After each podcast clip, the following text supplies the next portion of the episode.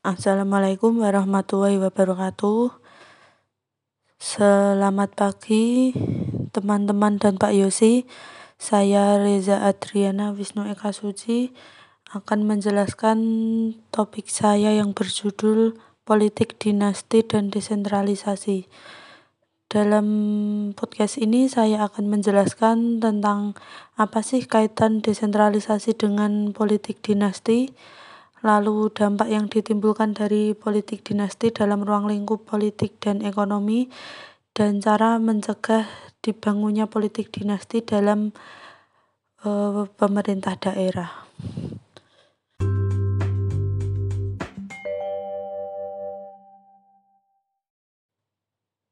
Pertama-tama saya akan menjelaskan apa itu desentralisasi. Setelah runtuhnya Orde Baru, pemerintah sesegera mungkin mengatur hubungan antara pemerintah pusat dengan daerah. Saat sebelum runtuhnya Orde Baru itu, pemerintahan bersifat sentralistik atau pemerintah pusatlah yang mengatur segala urusan daerah. Sebab itu pemerintah melakukan memperlakukan otonomi daerah. Otonomi daerah sendiri merupakan pemberian hak, wewenang maupun kewajiban pada daerah yang bersangkutan untuk mengelola pemerintahan dan kebutuhan masyarakat sesuai dengan aspirasi masyarakat guna menaikkan daya guna diselenggarakannya pemerintah dalam pelayanan publik dan dilakukannya pembangunan sesuai dengan peraturan yang berlaku. Diberlakukannya otonomi daerah di Indonesia saat pertama kalinya dengan perantara Undang-Undang Nomor 22 Tahun 1999 tentang pemerintahan daerah yang sampai sekarang sudah mengalami amandemen beberapa kali. Berlakunya otonomi daerah di Indonesia menyebabkan berubahnya sistem di dalam pemerintahan dan berpengaruh juga pada masyarakat. Salah satu bentuk dari diwujudkannya otonomi daerah adalah desentralisasi. Desentralisasi adalah suatu bentuk sistem pemerintahan yang kekuasaan dan kewenangan dilimpahkan kepada daerah dan bukan terpusat pada pemerintah pusat. Akan tetapi pada konsepnya bukan berarti pemerintah pusat lepas tangan terhadap daerah, hanya saja segala sesuatu yang menyangkut penyelenggaraan pemerintahan serta pembangunan merupakan wewenang daerah. Tujuan dari desentralisasi merupakan distribusi, baik wewenang maupun kekuasaan. Dengan tujuan tersebut secara tidak langsung memberikan manfaat dalam pembangunan daerah, juga menimbulkan pemerataan. Desentralisasi juga merupakan wujud dari penerapan prinsip demokrasi yang juga merekomendasikan adanya pembagian kekuasaan dengan seimbang atau proporsional. Awal permulaan diberlakukannya desentralisasi, pakar politik menunjukkan timbulnya para kaum elit yang menguasai daerah yang memicu munculnya raja-raja kecil. Munculnya kaum elit juga menunjukkan adanya praktik oligarki di daerah. Apabila kita melihat dari konsep oligarki, menunjukkan bahwa daerah dikuasai oleh sebuah kelompok kecil meskipun terlihat seperti minoritas namun memiliki dasar untuk menjadi penguasa seperti kekayaan ataupun sumber daya. Dengan dimilikinya kedua hal tersebut, para kaum elit dengan mudahnya masuk ke dalam pemerintahan dengan menggunakan kekayaannya. Desentralisasi juga dinilai dapat membuat kaum elit semakin kuat dominasinya di masyarakat dan memperkuat posisinya di dalam politik. Hal tersebut sering terjadi tidak hanya akan merugikan daerah, tetapi juga merugikan negara dan masyarakat. Hal tersebut tentu saja melanggar demokrasi karena dengan mudahnya kaum elit masuk ke pemerintahan akan membuat kaum elit terus berkuasa dan karena mudah masuk ke dalam pemerintahan juga akan menimbulkan ketimpangan baik dalam kekuasaan, kekayaan dan karena hal tersebut dapat mendorong munculnya dinasti politik. Lalu apa sih dinasti politik itu? Dinasti politik sendiri diketahui sebagai pengontrolan atau penguasaan terhadap pemerintahan di daerah. Dinasti politik juga dapat didefinisikan sebagai politik tradisional, yang berarti pemimpin atau penguasa berusaha memberikan jabatan yang dinilai strategis kepada keluarga maupun pada kerabatnya untuk membentuk kekuasaan politik di pemerintahan.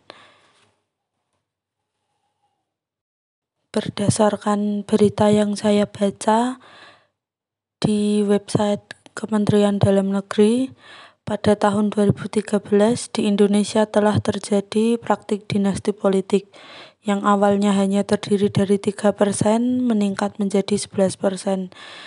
Bisa dibilang dari jumlah 524 kepala daerah, 58 kepala daerah melakukan praktek politik kekerabatan atau dinasti dan dalam publikasi Kementerian Dalam Negeri, dinasti politik tersebut tersebar merata di seluruh provinsi di Indonesia. Misalnya di provinsi yang ada di Pulau Sumatera, di Banten, Jawa Barat, Jawa Timur, dan seluruh provinsi di Pulau Kalimantan dan seluruh provinsi di Pulau Sulawesi. Dinasti politik telah terjadi di Indonesia sejak masa Orde Baru. Pemerintah berkuasa secara otoriter dan memiliki dominasi yang kuat di dalam politik. Pada sistem politik Indonesia, wakil rakyat yang memiliki kewajiban untuk mengawasi penyelenggaraan pemerintah dan menyampaikan aspirasi rakyat hampir tidak melaksanakan kewajibannya sama sekali. Setelah lengsernya pemerintahan Soeharto pun tidak membawa banyak perubahan pada sistem politik di Indonesia. Malah sebaliknya, para wakil rakyat lebih memikirkan dan memprioritaskan kepentingan pribadi beserta keluarganya daripada menyalurkan aspirasi rakyat ketika masa itu. Praktik politik dinasti tersebut bisa dibilang mengancam demokrasi karena membatasi hak seseorang dalam berpolitik baik dipilih maupun memilih. Juga karena adanya praktik tersebut tidak memberikan peluang banyak kepada masyarakat luas untuk ikut berpartisipasi di dalam dunia politik. Karena terbatasnya peluang tersebut, dapat kita asumsikan akan menimbulkan monopoli politik oleh kaum elit dan realitanya monopoli pada sumber daya membuat kaum elit dengan mudahnya meraih sebuah jabatan ataupun kekuasaan dan monopoli tersebut digunakan untuk mengamankan kedudukan mereka di dalam politik.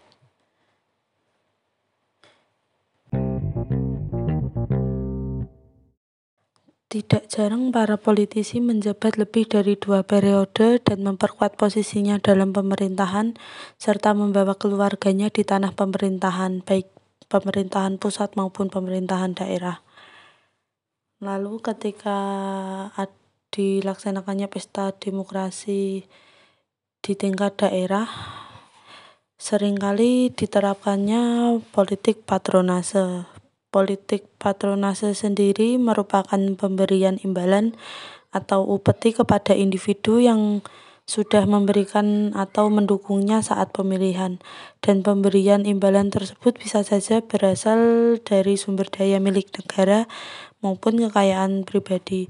Dan tentu saja penerapan patronase tersebut bertujuan untuk mempertahankan kekuasaan maupun mempertahankan dinasti politik yang telah dibangun.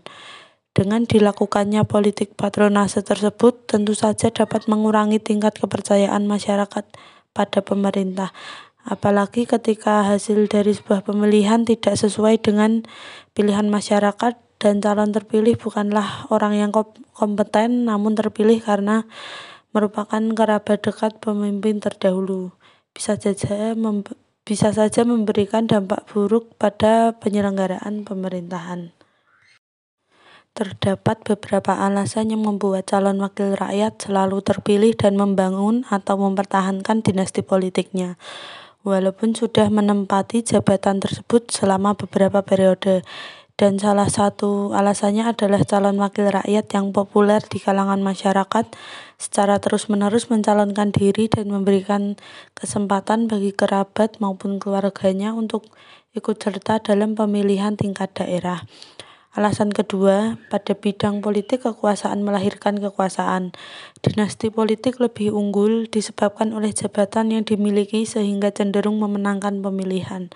Dan juga karena tertutupnya jalan untuk masyarakat luas ikut berpartisipasi dalam politik. Terjadinya dinasti politik di tingkat daerah juga tidak da, tidak jauh dari ketergantungan untuk mendapatkan posisi yang lebih baik, namun mengandalkan hubungan keluarga bukan kemampuannya sendiri. Setelah diterapkan desentralisasi pun kaum elit beserta keluarga dekatnya berlomba-lomba menguasai suatu daerah. Desentralisasi yang seharusnya dapat membangun dan mengembangkan daerah serta pemerintahan daerah cenderung dikuasai oleh kaum elit yang memiliki jabatan maupun yang bukan menjabat, namun memiliki sumber daya yang sering kali berpengaruh dalam pemilihan pejabat. Dinasti politik menyebabkan dampak negatif seperti korupsi, baik korupsi politik maupun korupsi birokrasi. Korupsi politik sendiri merupakan kegiatan yang dilaksanakan termasuk dalam penyalahgunaan wewenang dan bertujuan untuk memperkaya dirinya beserta keluarga menggunakan sumber keuangan negara sehingga dapat menimbulkan kerugian baik negara maupun masyarakat. Sedangkan korupsi birokrasi merupakan korupsi yang disebabkan oleh buruknya sebuah sistem birokrasi. KPK pun menyorot dinasti politik karena selama ini sangat rawan terjadi tindakan korupsi. Hal tersebut disebabkan dinasti politik cenderung ingin menguasai seluruh kekayaan di daerah yang dipimpinnya. Contoh dari kasus korupsi yang terjadi karena dinasti politik di antaranya kasus mantan gubernur Provinsi Banten, Ratu Atut Sosiah yang melakukan suap kepada mantan Ketua Mahkamah Konstitusi untuk menangani konflik pemilihan kepala daerah di Le di Lebak dan melakukan tindak korupsi terhadap pengadaan alat kesehatan di Provinsi Banten. Yang kedua, tindakan korupsi yang dilakukan oleh mantan Bupati Kutai Kertanegara Rita Widiasari, dinasti politik yang dibentuk oleh ayahnya Syaukani Hasan Rais yang juga terkena kasus politik kasus korupsi terkait dana studi kelayakan dan pembangunan Bandara Kutai yang disalahgunakan. Sedangkan Rita sendiri melakukan suap yang digunakan untuk kebutuhan inti plasma perkebunan kelapa sawit di Desa Kupang Baru. Kemudian yang ketiga dinasti politik yang didirikan oleh Fuad Amin Imron yang beserta anaknya Makmun Ibnu Fuad di Bangkalan. Amin yang berkuasa selama 10 tahun hingga tahun 2013 digantikan oleh anaknya pada periode 2013 hingga 2018 dan Amin dilantik menjadi DPRD yang selanjutnya menjadi ketua DPRD di Bangkalan. Tindak korupsi yang dilakukan oleh Fuad adalah mendapatkan sejumlah uang dari Antonius Bambang Jatmiko senilai 18,05 miliar rupiah. Uang tersebut diserahkan kepada Fuad untuk mempermudah proses perjanjian kerjasama antara PT MKS dan PD Sumber Daya dan juga mendukung permintaan PT MKS yang berhubungan dengan penyaluran gas alam ke Gili Timur. Setelah dampak negatif dalam ruang lingkup politik, kemudian selanjutnya adalah dampak negatif dalam ruang lingkup ekonomi. Apabila melihat dari pol kasus politik dinasti yang telah saya sebutkan tadi, tentu saja politik dinasti tersebut membawa dampak negatif bagi ekonomi dan menurut saya salah satunya adalah menghambat pembangunan ekonomi. Karena kasus yang telah saya sebutkan tadi rata-rata penyalahgunaan dana yang digunakan untuk pembangunan. Kemudian karena adanya dinasti politik tersebut desentralisasi yang pada awalnya dipercaya mampu menurunkan tingkat kemiskinan dengan pengalokasian dana secara efisien pun gagal karena anggarannya disalahgunakan. Kemudian pendapatan daerah yang hanya dikuasai oleh kelompok elit yang menjabat beserta keluarganya. Alokasi kebijakan pun menjadi tidak efisien, di mana program pemerintah daerah digunakan untuk kelompok elit dan tidak ditujukan kepada masyarakat yang lebih membutuhkan. Pada akhirnya berakibat kegagalan dalam pelaksanaan program yang menanggulangi tingkat kemiskinan di daerah. Dampak lain yang ditimbulkan oleh dinasti politik yaitu menyebabkan terbatasnya kegiatan ekonomi karena sumber daya maupun faktor-faktor produksi yang mendorong kegiatan ekonomi hanya dimiliki oleh kaum elit di daerah yang berkuasa. Kreatif, kreativitas para produsen dalam memproduksi barangnya juga akan terbatas karena dibutuhkannya izin maupun penyesuaian kebijakan yang dikeluarkan oleh penguasa daerah maupun pemerintahan pusat. Kemudian dinasti politik juga akan mengganggu dalam penyelenggaraan pemerintahan karena adanya dana-dana yang dikorupsi tersebut menyebabkan tidak tersedianya barang publik yang seharusnya disediakan oleh pemerintah karena dananya telah disalahgunakan. Lalu cara untuk memutus dinasti politik yang tumbuh di tingkat daerah contohnya seperti mempertegas batasan periodisasi masa jabatan karena jika seseorang menjabat terlalu lama dapat berpotensi membangun politik dinasti. Kemudian lembaga negara yang mengatur tentang pemilihan setidaknya membuat peraturan yang lebih ketat terkait dengan persyaratan pencalonan kepala daerah. Akan lebih baik apabila persyaratan tersebut berhubungan dengan prestasi, kemampuan dan pengalaman dalam memimpin serta mengatur organisasi dan moralitas pengawasan dalam pemilihan pejabat yang sesuai dengan persyaratan yang berlaku untuk menghasilkan pejabat yang kompeten dan profesional sehingga dapat mengurangi para kaum elit yang merasa haus akan kekuasaan. Menegaskan peraturan yang berkaitan dengan perlakuan menyimpang yang dilakukan oleh pejabat seperti disalahgunakannya kekuasaan maupun korupsi. Kemudian memberikan sosialisasi atau pendidikan politik untuk masyarakat sebab tidak sedikit masyarakat yang masih awam terhadap politik.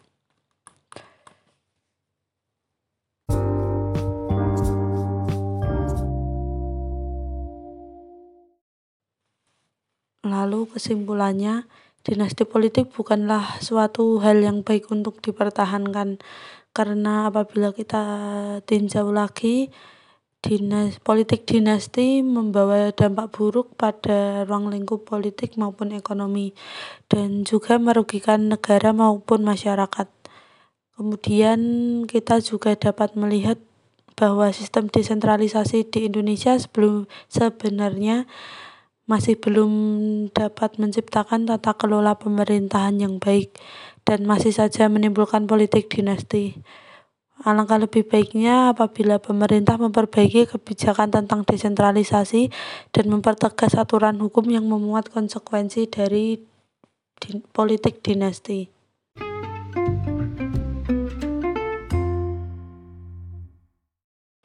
Sekian dari saya. Apabila ada tutur kata yang salah atau tidak berkenan, mohon maaf yang sebesar-besarnya. Wassalamualaikum warahmatullahi wabarakatuh.